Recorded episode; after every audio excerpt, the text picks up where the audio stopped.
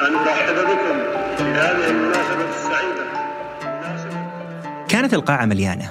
حتى مقاعد الصف الأول اللي ما تفضلها الناس بالعادة كانت مليانة. طبيعي جدا لأن الفيلم اللي توه نازل الناس كانت تنتظره من زمان. والمخرج معروف بأفلامه المميزة. وحتى البطولة لممثلين لهم شعبية كبيرة والناس تحبهم. الحضور كانوا مركزين وما يبون أي لقطة بتفوتهم مركزين جدا ومندمجين. ولعل كلمة مندمجين ليست الكلمة المناسبة لوصف ما يمكن في حالتهم. الحضور كانوا متأثرين حرفيا بقصة الفيلم ومتعاطفين إلى أبعد درجة.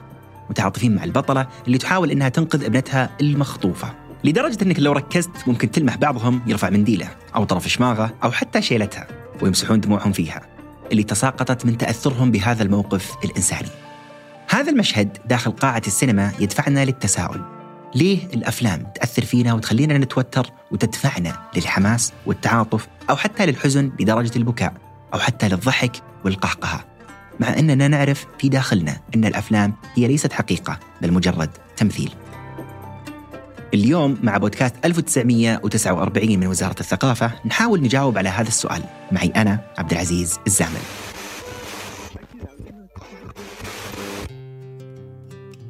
أهلا وسهلا بكم. ليش تأثر فينا السينما؟ مراقبة مشاعرنا بعد انتهائنا من مشاهدتنا لأي فيلم راح تعطينا فكرة عن نوعية التأثير اللي تترك فينا الأفلام. غالبا نقدر نقول إنها مجموعة أو خليط من المشاعر المركبة ولو حاولنا بمجرد تفكيكها بنلقى أن أسباب التأثير كثيرة. على سبيل المثال ممكن نقول أن هذه الأفلام تعبر عنا أو عن الحياة أو إنها تستهدف مجموعة من الحواس البشرية. وفي هذه ثلاث أمور أقدر أقولها. هل تؤثر فينا لأنها تعبر عنا؟ الأفلام وحتى المسلسلات تحاكي أفعالنا وتعبر عن أفكارنا وطموحاتنا ونظرتنا للحياة. تحرك عواطفنا ومشاعرنا.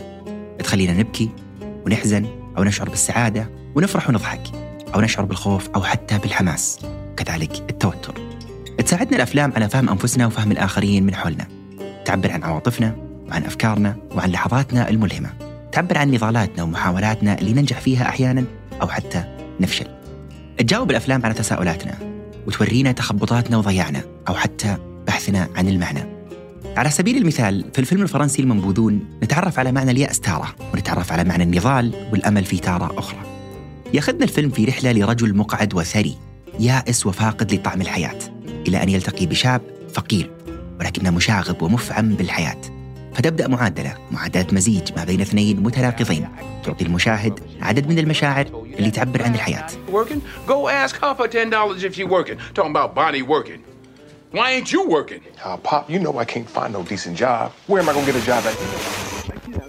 طيب هل تأثر فينا لأنها تعبر عن الحياة؟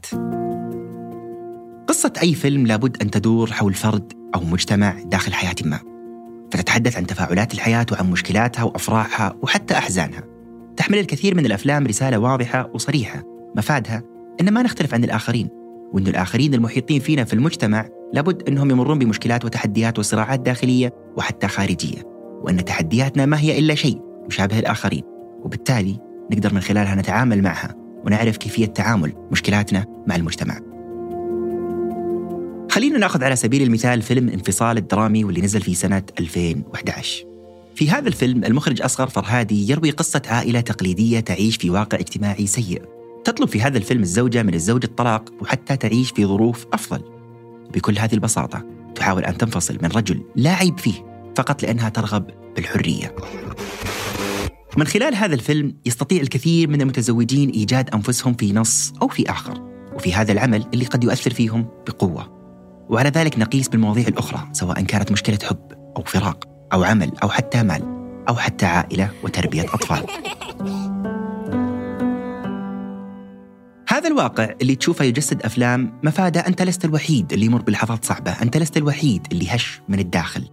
الأفلام كذلك تساعدنا نشوف جوانب أقل وضوح في حياتنا اليومية جوانب إحنا ممكن نتناساها اللي تضيع في زحمة الحياة والانشغال وكثافة الأحداث اللي ما يقدرها الشخص. فيركز على جزء بسيط أحيانا ويتغاضى عن بقية أجزاء الصورة. وبكذا تساعدنا الأفلام على تقدير اللي نملكه فعلا. فمثلا نرضى بما يحدث معنا ولنا وتساعدنا أن نتصالح مع الأحداث والأشياء اللي أحملناها وما أنجزناها في وقت طويل.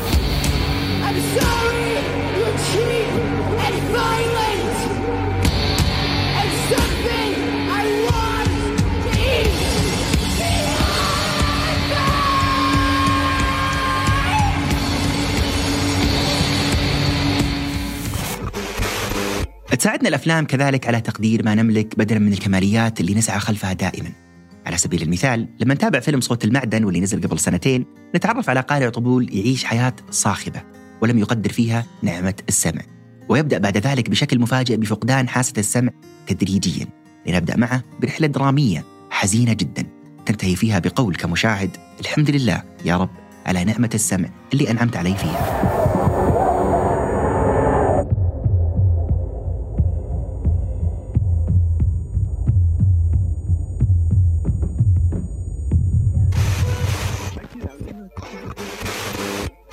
الأفلام مراحل نمونا ونضجنا المعرفي والسلوكي وتخلينا نعرف كيف أن الإنسان يكبر ويتغير ويمر بتجارب مختلفة وتحديات كبيرة ينجح في بعضها ويفشل في الآخر. وبالمناسبة هذا الشيء طبيعي لا مشكلة من الفشل المهم أن ننهض ونستمر. كذلك نقدر نقول أن السينما تأثر فينا لأنها تستهدف مجموعة أشمل من الحواس البشرية بتكثيف أعلى وكذلك بتقنيات خاصة. السينما كفن بالمناسبة جاءت متأخرا عن بقية الفنون. قبلها كانت الفنون ستة العمارة النحت الرسم والموسيقى والكتابة بالمناسبة تنقسم لقصص وشعر ورواية وغيرها وكذلك الأداء اللي هو الرقص وأخيرا التمثيل. لكن بعدها جميعا ظهرت السينما اللي الكثيرين يعتبرونها الفن الأخطر والأكثر تأثير لأن ببساطة يستطيع الدمج ما بين كل الفنون الستة واستيعابها بداخل قالب واحد. اللي هو الشكل السينمائي. بل أن السينما كذلك تعتبر تعدت هذا الشيء واستطاعت أن تستوعب العلوم النظرية والكمية وبقية العلوم. هذا التأثير اللي قدر يدمج ما بين الصورة والصوت والفكر والقصة والعلم وكذلك الترفيه في قالب واحد. واستهدف مجموعة من الحواس الإنسانية. صار له لفتة خاصة قوية في التعبير والتغيير والإقناع وحتى صناعة الرأي العام. لذلك نقدر نقول أن السينما تعتبر قوة ناعمة لا يستهان فيها حقيقة. خصوصا بعد ما تطورت وسائل صناعة السينما وأدوات هذا الفن في التحديد في العصر الحديث اللي صار فيه استديوهات مختصة بالمؤثرات البصرية اللي هي ال visual effects وكذلك تقنيات ال CGI أو ال computer generated images اللي تقدر تخلق ما يسمى بال motion capturing وهي عوالم جديدة بمؤثرات خاصة تخلي العالم يتداخل في حياتنا الحقيقية بالعالم الخيالي. وتخلينا كذلك ننسى للحظة أننا نتابع فيلم مصنوع بل ونندمج بالكامل مع القصة ونتداخل مع أحداثها وكأنها جزء منا طيب كيف تأثر فينا السينما؟ التأثير يأتي على أنواع. ممكن يكون أولا تأثير فردي وهذا النوع يشعر الفرد أن حياته تقدم على الشاشة بحيث أن كل شخص ينتظر اللقطة اللي يشوف فيها نفسه. إما من خلال دوره اللي يعيشه واقعيا في حياته ويتقاطع مع دور البطل أو أحيانا يشوف أهدافه ويسعى لتحقيقها مع البطل كذلك. التأثير قد يكون أيضا بالاستلهام أن يستلهم الإنسان من الأفلام ما يساعده في حياته الواقعية. كثير من الناس يتأثر بشدة في الأفلام فيجد نفسه بشكل لا واعي يتحدث مثل الأفلام ويتعامل مع أصدقائه مثل ما يتعامل البطل في الفيلم. يقول توم هانكس في فيلمه الكلاسيكي القديم والأكثر من رائع Forrest Gump أن أمه قالت له الحياة مثل علبة الشوكولاتة لن تعرف دائما ما تخبي لك. وأكيد كل ما قربت الأفلام من واقع الناس كل ما صار التصاق وتأثير هذه الأفلام فينا أكبر. فتخيل أنك تعيش حياة عادية روتينية على سبيل المثال بس الفيلم يأخذ حياتك هذه ويصنع منها فيلم ممتع يجعلك تشاهد نفسك. أتوقع بيكون شعور عظيم صحيح؟ في فيلم شمس المعارف على سبيل المثال أخذ الأخوين قدس حياة مراهق يرغب أن يكون صانع للأفلام. ولاحظت أن الفيلم استطاع أن يلهم الكثير من المراهقين وراء السعي نحو تحقيق أحلامهم. وصحيح الفيلم مخيف للآباء لأن الطالب يركض خلف أحلامه أكثر من دراسته ولكنه يظل أثر وإلهام موجود في هذا الفيلم. بس المشكلة زي ما قلت لأنه مو ده اللي نفسي أسويه عندي مشكلة كبيرة. أتذكر كذلك لحظة انتهائي من فيلم أكتوبر سكاي الكلاسيكي تأثرت كثير الحقيقة. تأثرت بالشاب الصغير اللي يسعى لتحقيق أحلامه رغم تقزيم كل من حوله من عائلته وأصدقائه لهذه الأحلام. وبذلك كان الأثر الإيجابي لي شخصيا وراء السعي لما أرغب فيه كشاب صغير رغم تحطيم الكثيرين من حولي. أحد الأشخاص يحكي قصة حقيقية حصلت معه وهو متزوج وكان في مشاكل عائلية بينه وبين زوجته. يقول أنهم كانوا يوشكون على الانفصال. وعموما يكمل القصة ويقول أن زوجته استشهدت بفيلم مصري وقالت حرفيا نهايتك بتكون إما أنك تعيش وحيد. ما عندك أحد أو تتزوج وحدة ما تطيق تطالع في وجهها.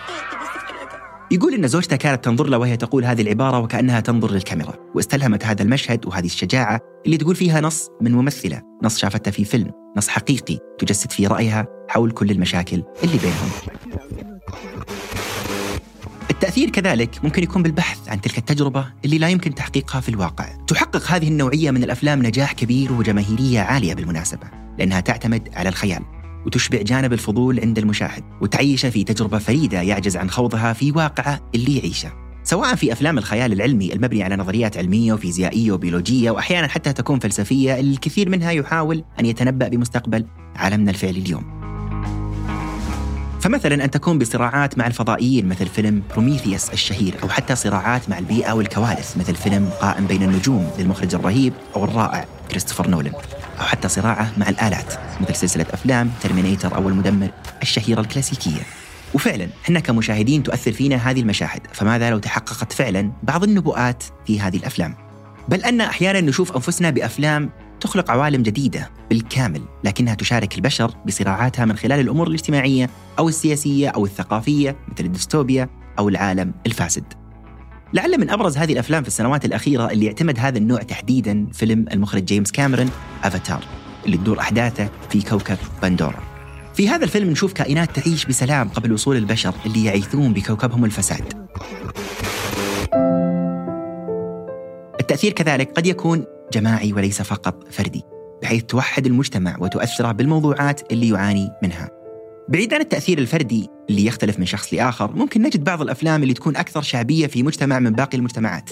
وهذه الأفلام تحقق جماهيرية عالية أكثر من مجتمع في دولة أخرى على سبيل المقارنة. ويتضح عادة أن هذا الأثر من خلال شباك التذاكر أو من خلال احتلال الفيلم قائمة الأعلى مشاهدة في دولة معينة مميزة في ذاتها عن بقية الدول. عرض هذه الأفلام الإلكترونية لما نحاول نحلل المضمون الخاص بهذه الأفلام نجد أن قصصها تناقش موضوعات يعاني منها أبناء هذا المجتمع وحدهم. أبناء هذا المجتمع بالذات مثل الفقر، وتفشي الفساد، أو وجود طبقيات أو حتى صراعات الأقليات العرقية والعنصرية، وغيرها كثير من المواضيع اللي من الممكن أن تناقش موضوع مجتمع معين أكثر من غيره. لعل فيلم 12 سنة من العبودية يكون له على سبيل المثال شعبية خارقة لدى أمريكا، لأنها تعاني من العنصرية إلى اليوم. بالتالي فهذا الفيلم يناقش قضية رأي عام تحديدا لبلد أكثر من آخر وناقشها بطريقة فنية ممتازة جدا من جميع النواحي لكن بالمقابل لعل كذلك فيلم فنسز الصادر في سنة 2016 يكون له أثر أعمق لطبقة الآباء ذوي الأصول الإفريقية ومعاناتهم مع أبنائهم غير المبالين لصعوبة الحياة. وبالتالي هنا الأثر يكون على صعيد أو مستوى أقل.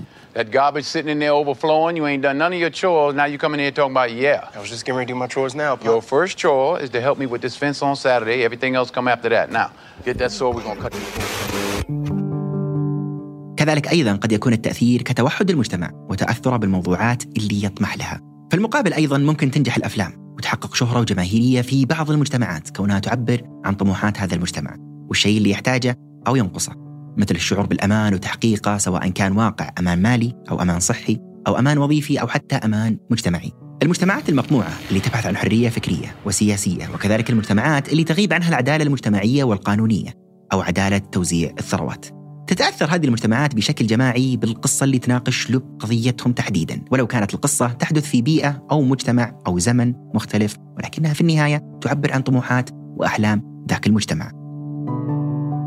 أتذكر على سبيل المثال الأثر الكبير في توضيح حقائق التعامل مع السجناء في غونتانامو والشيء هذا اللي تم بأكثر من فيلم ولكن لعل أهم هذه الأفلام بالنسبة لي هو فيلم الموريتاني اللي نزل هذه السنة بالمناسبة وأعتبره واحد من أفضل الأفلام اللي صدرت في سنة 2021 كذلك على سبيل المثال الفيلم التاريخي محاكمة سبعة من شيكاغو.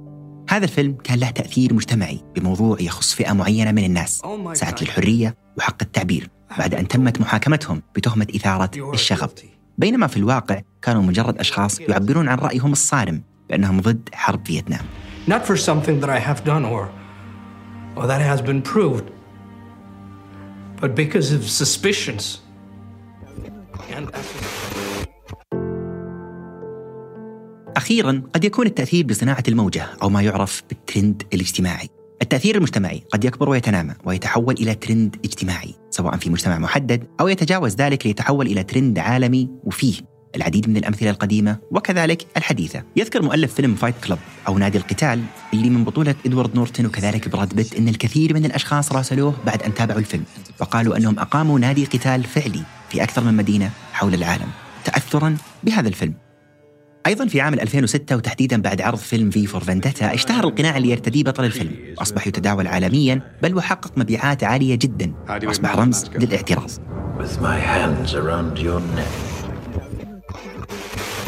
هذا الرمز ترتديه الجماهير في أنحاء العالم مع أن القناع بالأساس كان قديم ومعروف قبل 400 سنة إلى أن عاد الفيلم إلى الواجهة من جديد. أيضا في عالمنا العربي وتحديدا في عام 1990 بعد عرض فيلم كابوريا اللي من بطولة الممثل الراحل أحمد زكي انشهرت حلاقة شعر بطل الفيلم وأصبحت ترند في كثير من الدول العربية.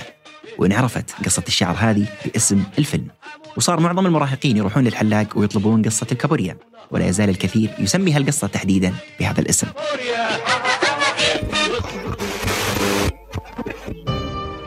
خلونا نأخذ وقفة مع أشكال هذا التأثير.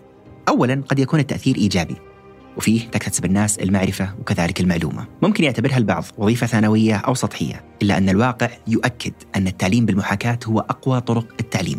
وإن السينما تقوم في أسسها على محاكاة، فالأفلام التاريخية والسير الذاتية تقدم فترات تاريخية كاملة في شكل مبسط وسلس. وفي النهاية بتقدم معلومة عن حقبة تاريخية أو شخصية سياسية أو اجتماعية في إطار درامي. على سبيل المثال في فيلم نظرية كل شيء اللي نزل في سنة 2014 تعرفت على شخصية ستيف هوكينغز بشكل كبير جدا. عالم الفيزياء هذا ظهر في هذا الفيلم بأكثر من أثر. عندنا أثر تاريخي كقصة عالم وأثر إيجابي كنضال لإنسان وأثر كذلك درامي كتقدير للنعم اللي نمتلكها. كذلك أيضا يساعدنا على فهم النفس البشرية. الدراما تقوم على المحاكاة وأيضا عرض التناقضات وتجسيد النماذج البشرية المتنوعة. وبما أنه من خصائص الدراما أنها تعمل على مساعدة المشاهد على التقمص فهو يتخذ موقف إيجابي من إحدى الشخصيات اللي يشاهدها بأي فيلم كان ويتوحد معها عاطفيا ويكتسب كذلك الخبرات اللي يتعرض لها البطل في أي فيلم كان. على سبيل المثال لما نشوف فيلم Manchester by the Sea نتفهم أن النفس البشرية تمر بمراحل إنكار في تقبل الصدمات الحزينة. وكيف أن البشر يختلفون نوعا ما بالتعبير عن الحزن بطرق مختلفة. And then I am going to the mini mart, but I'm too wasted and I don't want to drive. So I walk. It's about 20 minutes each way. I'm about halfway there. And I can't remember if I put a screen on the fireplace. بعدها نعرف أن الحزين ما هو بالضرورة أو الواجب أنه يبكي لكي يعبر لك عن مدى حزنه قد يكون حزين من الداخل تساعدنا أيضا الأفلام على فهم الحياة واكتساب القيم والأفكار السينما كذلك تقدم في مضامين الأفلام بعض القيم والأفكار في صورة عميقة سريعة التغلغل في النفس البشرية من خلال المعايشة. في كثير من الحالات يتأثر الفرد بسيرة الأبطال من خلال العمل الدرامي وتضحياتهم في تحقيق أحلامهم وكسب معاركهم. هذا الشيء يساعده يكتسب القيم قيم العمل والحلم والرغبة في تحقيق مسيرته الخاصة في حياته أو في تعامله مع المشكلات اللي واجهها. ممكن نتعرف على هذا الشيء أكثر لما نشوف الممثل أندرو جارفيلد وهو يطلب الله أن يعينه على إنقاذ أكبر قدر ممكن من ضحايا الحرب. في فيلمه الشهير مرتفع المنشار واللي صدر في سنة 2016 كذلك أيضا السينما تشبعنا بوجبة كاملة من الرغبات الإنسانية كالشعور بالحب والانتقام والبطولة والانتصار وغيرها. كلها رغبات إنسانية يبحث الإنسان عنها وخلالها يوميا. وتقوم السينما بالتركيز في مثل هذه الرغبات وتقدمها للمشاهد من خلال المعايشة اللي فيها المشاهد يتفاعل ويشبع جزء من رغباته. مثل أن البطلة تبحث عن حب حقيقي رغم أنها بنظر المجتمع قبيحة ولا تجد من يعجب فيها ثم تستمر أحداث ذاك الفيلم لتجد حبها الحقيقي عند الشخص اللي يبحث عن جوهرها جوهرها النقي وليس في شكلها أو حتى البطل اللي يقرر الانتقام من الفاسدين لأن القانون عجز أن يصل لهم ويعاقبهم. السينما كذلك تساعد على الترويج الثقافي والفكري سواء كان على النحو الإيجابي أو حتى السلبي. السينما هي وسيلة ترويج فكري وثقافي طوال الوقت سواء شئنا أو أبينا. ويصعب في عصرنا اليوم حجب أو منع أي معلومة أيا كانت لأننا في عصر الفضاء المفتوح. وهذا هو الحاصل على مدار السنوات الطويلة الماضية سواء من خلال الدراما الأمريكية أو الهندية أو حتى العربية. تعالى تاني في الدور التحتاني. فمثلا كتأثير إيجابي نقدر نقول أن اللهجة المصرية تعتبر من اللهجات المألوفة عربيا لأن السينما المصرية استطاعت إيصالها ونشرها وهذا يتضمن الترويج للغة والثقافة اليومية والعادات وكذلك التقاليد. كل هذه الأمور يتم عرضها من خلال السينما بشكل مرن وسلس ويصعب الشعور فيه وإدراكه اللحظي. ومن هنا تيجي أهمية الاهتمام بالسينما السعودية لأنها تعتبر مصدر مهم للترويج للثقافة وأفكارنا وكذلك قيمنا وعاداتنا. وبطبيعة الحال نقدر نقول أن السينما كذلك لا تخلو من التأثير السلبي وعلى عدد من النواحي مثل ترسيخ الصورة النمطية. ممكن نشوف في السينما أن المرأة هي سليطة لسان الغاوية المهمشة فتاة الليل المغلوب على أمرها تاجر المخدرات العاشق المجرم الظريف أو البطل السكير أو حتى الرجل الدين والمنافق كلها صور يتم تقديمها في إطار سينمائي بشكل متكرر. إلين صارت صورة ذهنية لدى البعض وبشكل تلقائي يتم استدعائها في أي موقف وهذا يعتبر من أشد أنواع التأثير في السينما. كذلك أيضا التأثير أو التضليل الفكري والمعلوماتي. ونعرف جيدا أن وسائل الإعلام في أساسها هي وسيلة لتقديم المعلومات إلى الجمهور ولكن الجمهور لابد أن يكون واعي لها. خطورة السينما أن الجمهور يتعامل معها على أنها مصدر ترفيه مع أنها تعرض واقع حياتنا اليومي ووجهات النظر والسير الذاتية وحتى الفترات التاريخية. ومن هنا نشوف عن طريق القصد أو حتى غير القصد طرح المعلومات الخاطئة أو المغلوطة. وهذا اللي يعتبر تضليل كامل للمشاهد اللي يكتسب المعلومة لأول مرة وبشكل عميق بداخل هذا الفيلم.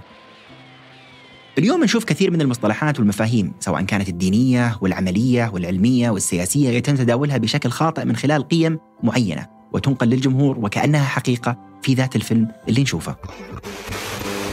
كذلك أيضا خلق معايير غير مرضية وغير واقعية. خلق الصورة النمطية يؤدي لخلق مفاهيم مغلوطة سواء كانت عن الحب، السعادة، النجاح، وينتج عنها أن المشاهد يبدأ بالعمل على المقارنات.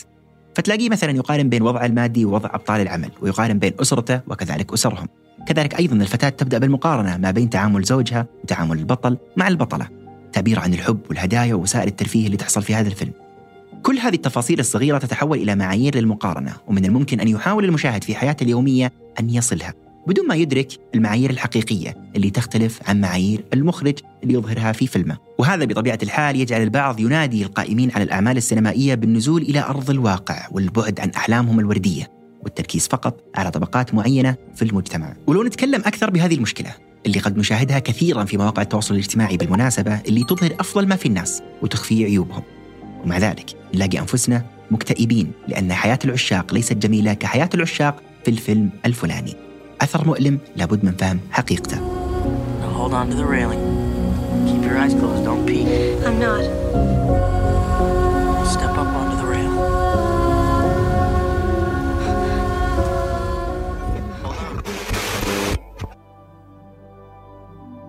يتعايش المشاهد مع الأحداث ويتقمص بإحساسه الأفكار والمشاعر المطروحة عليه فيخرج إلى الواقع ويجد حياة بعيدة كل البعد عن تصوراته وأفكاره يفقد الثقة في الواقع وينسحب من الحياة ويشعر باليأس. هذا التغيير لا يحصل بين يوم وليلة ولكنه يحدث ببطء شديد وعلى فترات متباعدة. فكم نشوف نماذج في السينما؟ وفي قرارة أنفسنا نشوف أنها مجرد خيال في فيلم هندي. وكيف تتحول هذه النهايات دائما إلى نهايات سعيدة؟ وكيف ينتصر الخير بشكل دائم وينهزم الشر؟ هذا الشيء اللي يدفع الكثير مثلا أن يبحث في الحياة عن العدالة الإلهية مثل الصورة اللي نشوفها في نهاية الفيلم مثلا. هذا هو تأثير الدراما البطيء اللي يزرع الأفكار ويترك تواجه الحياة بنظرة جديدة ومختلفة. لذلك الواقع قد لا تكون الأمور على ما يرام وقد لا ينتصر الخير بالنهاية بل قد لا تكون النهايات سعيدة إطلاقا ولكن الحياة تستمر ولنا في ذلك قرار كيف ستستمر. فهل ننهزم ونستسلم وننكسر أو ننهض وننفض الغبار ونبدأ بيوم جديد وتحدي آخر؟ القرار بيدنا وحدنا فقط. ولذلك أقول كنت معكم أنا عبد العزيز الزامل. شكرا لكم على المتابعة ونراكم على خير.